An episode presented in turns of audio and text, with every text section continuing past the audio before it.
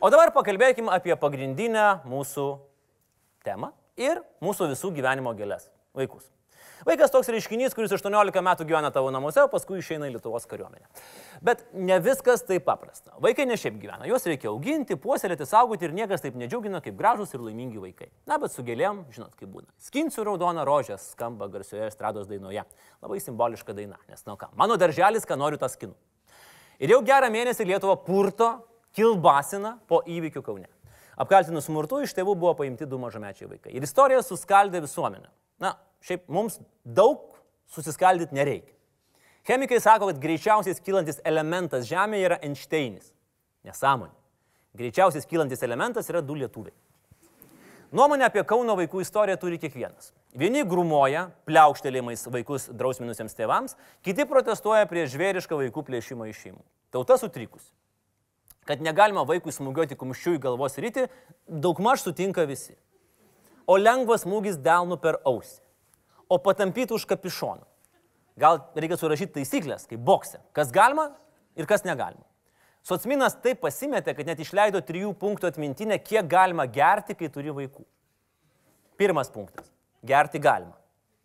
Antras punktas - turi būti bent vienas suaugęs negerintis.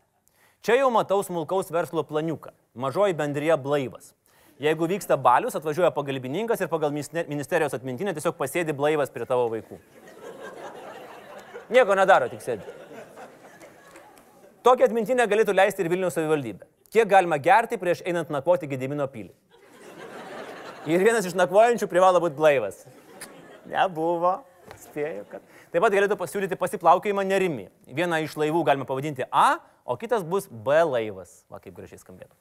Matant protestus ir tautiečių reakcijas darosi akivaizdu. Kiekvienas doras lietuvis per gyvenimą turi įvykdyti tris tikslus - apsaugoti medį, sustabdyti vaikų atiminėjimą ir užstatyti namą bankui. Šiandien mes nekeliam klausimo, ar galima mušti vaikus. Nes nieko negalima mušti. Ir spardyti negalima. Išskyrus šokoladukų pardavimo automatą, kuris praryja eurą ir tau nieko neduoda. Tada viskas galima. Mums antrina ir taip pat prieš smurtą pasisako Užsienio reikalų ministerija su savo akcija su šūkiu Lupk apelsiną, o ne moterį. Oficialiame URM puslapyje. Real is beautiful. No shit Sherlock. Ir aš taip spėju, kad prie šitos kilnios akcijos skuba jungtis ir kitos Lietuvos organizacijos. Pienininkai. Mušk sviestą, o ne vaiką. Lietuvos futbolo rinktinė. Mušk įvartį, o ne šeimos narį. Nu, šitas toks liūdnesnis turbūt. Nes nei to, nei to negalima daryti. Vilniaus troleibusai. Žymėk talonėlį, o ne artimą savo. Vyno klubas. Kelk taurę, o ne kumštį. Čia irgi toks liūdnesnis, nes nei to, nei to negalima daryti. Mokytojai irgi jungtųsi prie akcijos, bet jiems yra dilema - skatinti vaikus kelti ranką ar ne. O tik nebežinau, kaip ten. Ir mes šiandien klausime, kodėl mes esame taip linkę blaškytis tarp kraštutinumų ir pasiduoti įvairiausiams vajams. Vajus, beje, yra labai puikus žodis. Iš kur tie vajai? Žiūrėk, rodo ant pirštų. Ar šiandien kas nors prisimena, kad dar prieš porą mėnesių visi marškinius nuo krūtinės plėšėmės dėl labanoro? Ėjo su deglais, nakvojo prisirakinę prie žolų, nors, ką žinai, ar medžiai jautėsi saugesni, kai jų atėjo ginti su deglais. Šiandien realiai galėtum visą sengirę, visas telmūžės, visas punios šilus, plyna iškirs, visiems jau nebe tas galvoj. Vienintelis atvejis, kada miškas dabar gali dar kam nors rūpėti, jeigu tame miške būtų jauniukas ir gritutė. Ir kokia nors tarnyba norėtų juos atimti iš raganos. O tada gal ir pastebėtų. Arba jeigu dar būtų toks du viename, jeigu kas nors buratiną iškirstų. Dar anksčiau, priminsiu, buvo kiti vajai. Pavyzdžiui, numetė toks niekadėjas šuniuką nuo tilto. 21 amžiaus biliūnas. Pusę mėnesio nebuvo kitos kalbos, tik kaip reikia griežtinti bausmes tokiems niekšams, kaip jų žemė nešioja ir apskritai šaudyti vietų. Vajus praėjo, įstatymus priimė, šuniukai ir kačiukai daugeliu pasidarė dzin, kadangi atėjo kitas vajus. Buvo vajus dėl Ingos Rinau vaiko, buvo vajus dėl Akropoliuose grobiamų vaikų, dėl skalūnų, dėl kalafijorų, dabar turime vajų dėl atimamų vaikų. Spėkit, kiek laiko jis truks? Nu, spėjau kaip ir visi, kol ateis kitas vajus. Čia kaip su muzikos grupėmis. Iš pradžių visi svaigsta dėl Boyzone, paskui dėl Backstreet Boys, tada dėl NSYNC, kol atranda One Direction. Man tikrai reikia atnaujinti savo garso kasiečių kolekciją. Na, gal vajus dėl mušamų vaikų truks ilgiau, nes ir grupės, kur yra geri mušamieji, paprastai ilgiau išsilaiko. O nemirštančios grupės ir vajai yra reti kaip vienaragiai. Nu, pavyzdžiui, The Beatles ir Violetinė garliava. Nes pastaroji jau priklauso vajų vajaus arba vaj, vaj, vaj, vaj, vajaus kategorijai. Kadangi jau prakalbam apie vaikus, ar esat matę kaprizingą vaiką, kuriam staigiai kažko prisireikia? Ledų limonado, naujo dviračio ir lego konstruktorius. Toks jaunasis Respublikos pilietis krenta ant žemės, rėkia, verkia, spardosi, spaudžia kumšteles, žodžiu, elgesi kaip simuliantas vaidinantis epilepsijos priepolį.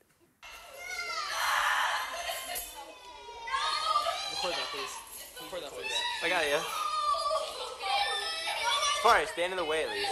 Like pretend.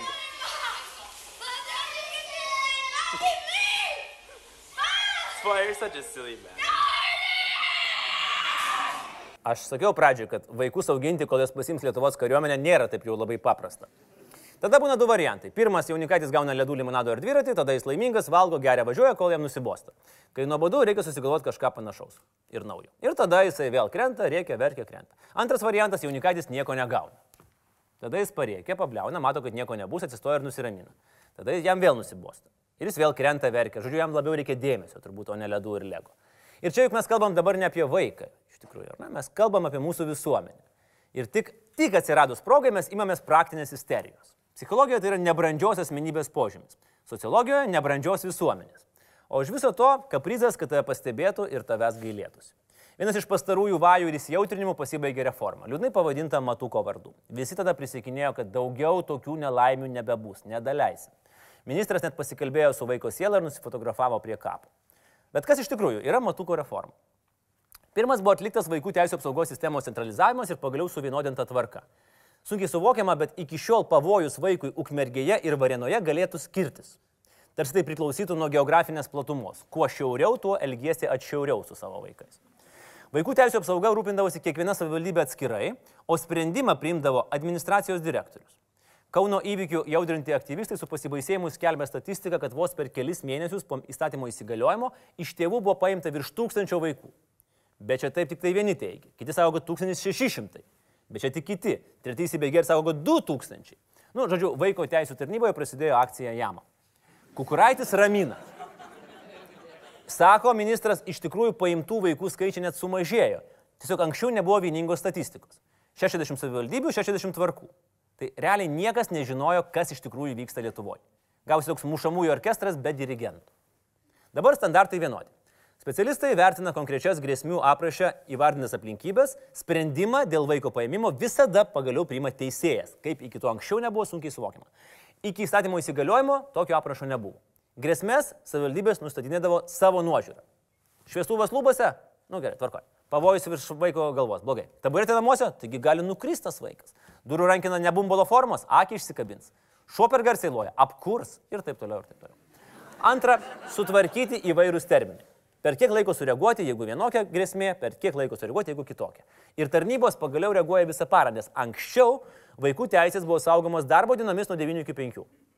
Ir čia, žinokit, yra nepokštas.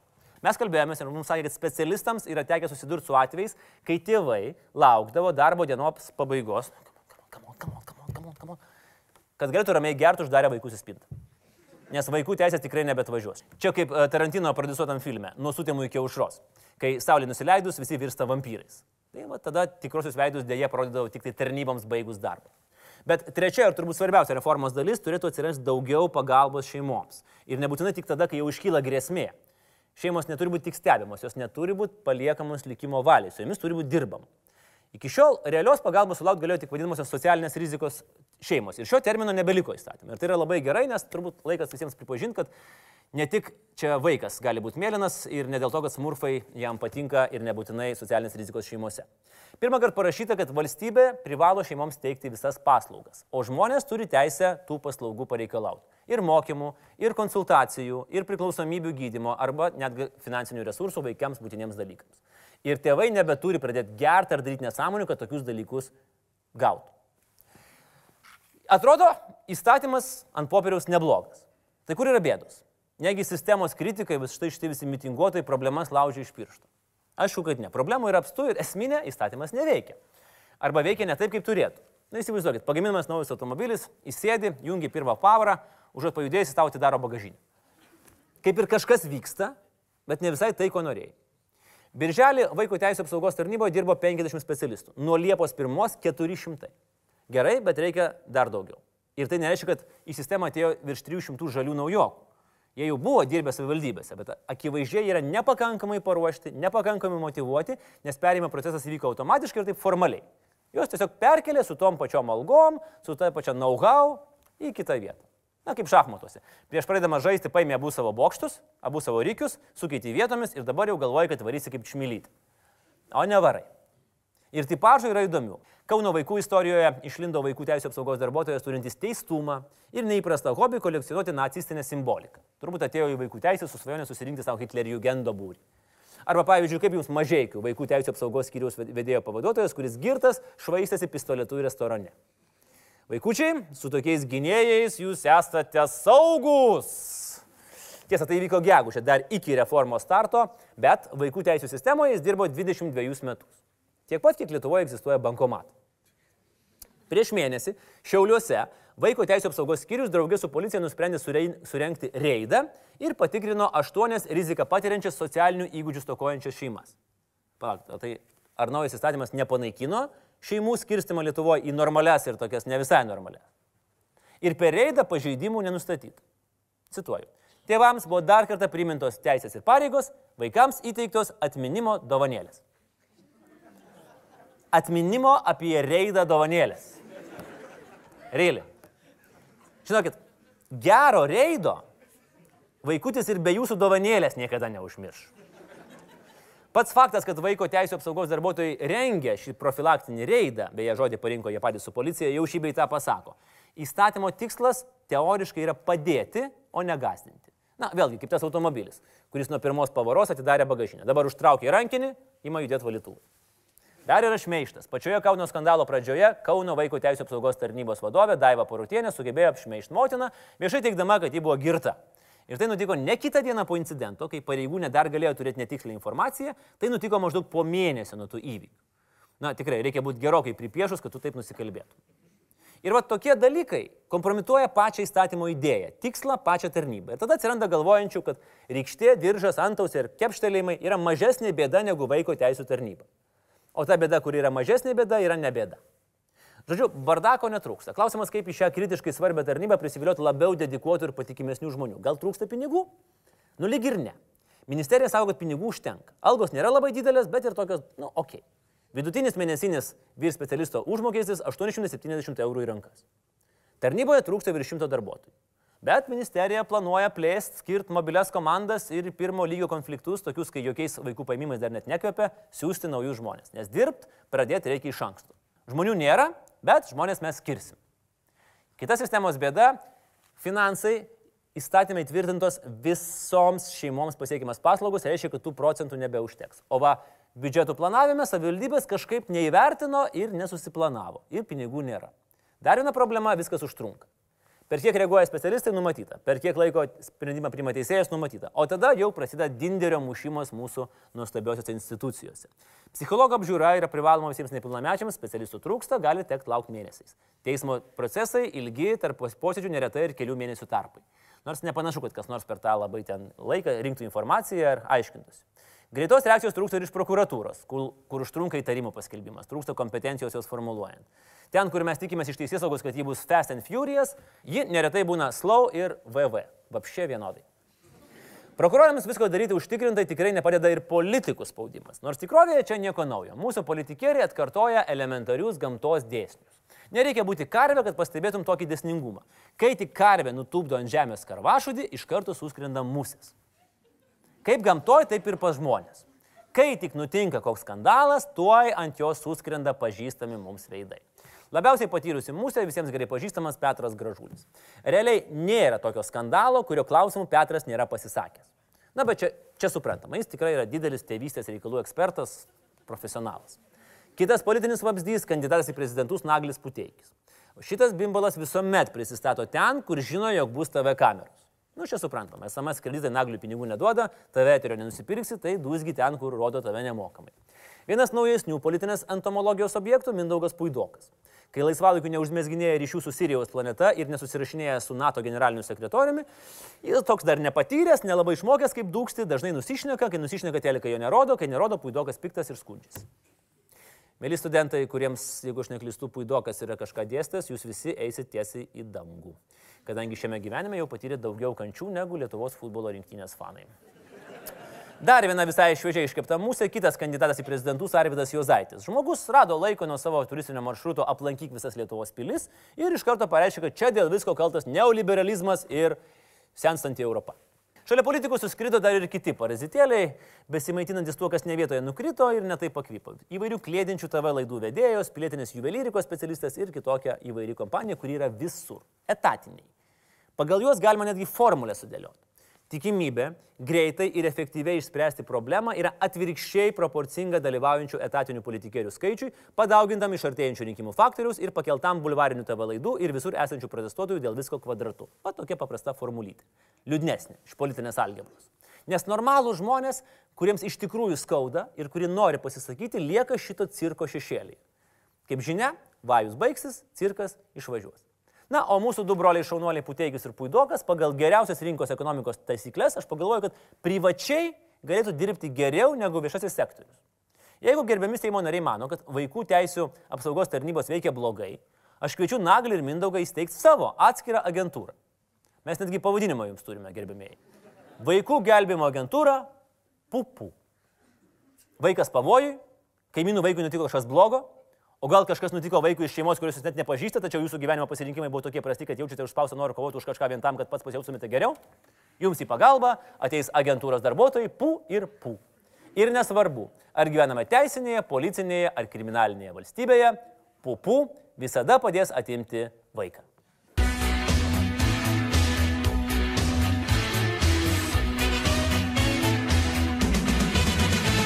Jei vaikus atims, žinom, kas padės.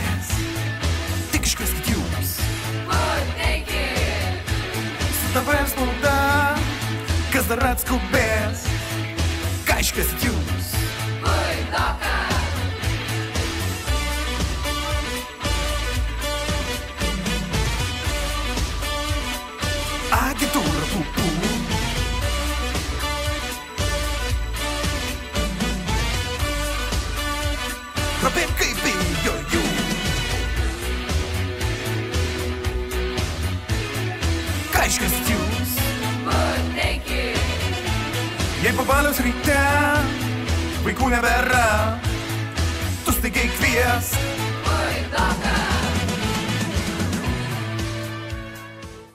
Tokia agentūra Pupu. Vienintelė sąlyga - agentūra dirba tik toje pusėje, kur yra atsuktos televizijos kameros, nes kitoje pusėje dirbti neapsimoka. Na, o saugoti vaikus, pripažinkim, tikrai yra nuo ko ir aš turiu tokią dabar, kaip sakoma, samokslo teoriją. Pilnaties portalai sako, kad vaiko kaina juodojoje rinkoje yra 20 tūkstančių eurų. Dar 2012 metais internete buvo aiškiai pasakyta, kad Akropoliuose pagrobiama apie 3-4 vaikus per dieną. Tai dabar žiūrėk, palaukit. Tai, tai čia yra beveik 1300 vaikų per metus. Tai čia yra, čia yra beveik 3 milijonų eurų per metus. Ir tik iš vieno Akropolio. O Akropolio yra keturi, tai čia dabar gaunasi dar. Tai čia gaunasi 120 milijonų eurų. Jeigu būčiau tautytas Meškonis, iš karto pasakyčiau, kad už tiek pinigų Cristiano Ronaldo persikėlė iš Madrido į Turino Juventusą. Aišku dabar, kodėl prekybininkai yra prieš draudimus dirbti savaitgaliais. Jie negalės grobti vaikų. O kadangi jie yra didžiausi vaikų grobėjai, ar jūs bent įsivaizduojat, kaip jie kontroliuoja kainas? Kaip jie yra užspaudę smulkiuosius vaikų grobėjus? Tai čia tik pirminė rinka šitie 120 milijonų eurų. Įsivaizduojat, kokia antrinė rinka. Mikriukai vaikams vežti. Saldainių pramonė, kurie užkemša vaikams burnas. Kai kainos tokios tikrai reikia įsikišti vyriausybei. Čia vaikams yra reikalingi voucheriai, ne maisto prekiams. Nes jeigu stambiai ir toliau diktuos vaikų grobimo kainą, žmonės į gatves išeis. O žinot, kas yra baisiau už sukeltas vaikų kainas? Žmonės, kurie nuoširdžiai to tiki. Žmonės, kurie reikia platinam. Žmonės, kurie renkasi į mitingus ir iš pirmo žvilgsnio netgi atrodo normalūs. Bet prisimenat, nebrandi asmenybė, nebrandi visuomenė. O dabar grįžtant į realybę. Vaiką pasiryžę priimti globėjai gauna 153 eurų mėnesinę išmoką. Teoriškai savivalda dar gali skirti 114 ar kažkiek daugiau, bet čia jau subjektyvų, priklauso nuo savivaldybės. Nežinau kaip jums, man šitas biznio planas nelabai klyjuojasi. Tuo labiau, kad ir globėjo gali tapti ne bet kas. Na, o didžiausia viso paskutiniu metu vykstančio vajus problema - pasiekmes tretiesiems asmenims. Smurtą prieš vaiką pamatęs policija iškvietė žmogus internete yra linčiuojamas. Nes mes juk visi puikiai žinom auksinę taisyklę. Ne, tai pranešti turi stukačiai. Ir kitas tik praeivis pamatęs smurtą prieš vaikus ir išklausęs Bernatonio sustos ir susimastys. O gal čia tik menkas pliaukštelėjimas? Ar aš tikrai noriu, noriu jį veltis? Juk čia ne mano reikalas. Apie laikiną globą mąstantį jauna šeima susimastys, ar mes tikrai norim, kad mus įtarinėtų globotinių skriaudimų ir sakytų, kad mes tai darom tik dėl pinigų? Juk čia ne mūsų reikalas. Galimybė įsidarbinti vaiko teisų apsaugos tarnyboje svarstantis jaunas specialistas suabejos, ar aš tikrai noriu tapti visuomenės priešų, grobiančių vaikus iš šeimų, juk čia ne mano reikalas. Ir mes turim turbūt labai aiškiai ir tvirtai savo pasakyti, vaikai yra visų mūsų reikalas, jie yra kiekvieno mūsų ateitis, mūsų valstybės rytojus, mes juos turim saugoti. Ir tada taisyti įstatymus, ir tartis, ir padėti vieni kitiems bendruomenėje, ir vyti šalin tuos, kurie nori ne problemas spręsti, o save reklamuoti. Ir nustot pagaliau tikėti nesąmonėm apie grobiamus vaikus po 20 tūkstančių eurų už vienetą. Ir svarbiausia, nenusisukti, kai matai, kad kažkam tikrai yra reikalinga tavo pagalba, o tu eini tiesiog savo valstybės gatve. Nes tik tada galėsime tikėtis, kad mūsų jaunai demokratijai bus viskas gerai. Ačiū. Ir prieš atsisveikindamas e, šį vakarą tik priminsiu, remkite mūsų Patreon platformoje, prenumeruokite ir gruodžio 18 dieną Klaipėdo Švitorio arenoje sužinokite, kokio dydžio fiasko patirsime su naujometiniu mūsų Grand Show. Liko tik vienas neparodytas dalykas - populiarioji rubrika Kas geresnio premjerė, kuri šį kartą šiek tiek transformuojasi į Kas geresnio merė. Remigijau. Aš esu Vilniaus klaida. Aš esu tik partijos įrankis. Aš darau tai, kas nuo manęs nepriklauso. Aš tai suprantu savo funkcijas labai aiškiai. Klydėti ir nesąmonės visokias daryti. Miestiečiai yra labai reiklus. Ir iš tikrųjų, man vieną dieną per ausį įeina, per kitą išeina, bet tai yra natūralu. Aš esu senas žmogus. Žinot, aš tai dėjęs ant to Gedimino kalno. Dar nenugriuvo. Bet nugrius, aš manau. Mane asmeniškai tai įkvėpia ir labai įkvėpia. Zuokas. Yra vienintelis sėkmingas Vilnius meras. Kuo aš buvau patikėjęs ir turiu pripažinti, kad buvo naivumas. Tai, kad Vilnius atsirado iš senos bebrų užtvankos. Laikausi iš tiesų to principo, kad viskas, kas vyksta Vilniuje, tai yra ne mero reikalas. Aš nežinau, kaip ten tas gatves tvarko. Veikia alchemija, pasirodo. Su liūdėsiu turiu pasakyti, kad Vilnius oro uostas bus uždarytas ir bus pastatytas pirmasis. Kosmodromas, skrisim į Marsą, užmėgsti ryšių ir bus labai smagu savaitgaliais. Mane labai žavė rajonas tarp Halės turgaus ir stoties. Tas prostitučių lizdas mane veža. Turiu labai aiškiai perspektyvą, tas nu, normali gyvybė. Ir tai yra tikrai viskas šio vakaro laikykitės ten. Ačiū visiems žiūrėjusiems. Gero likusios savaitės, naujos savaitės. Likite su Laisvės televizija. Pasimatysime po septynių dienų. Ačiū visiems. Iki publika.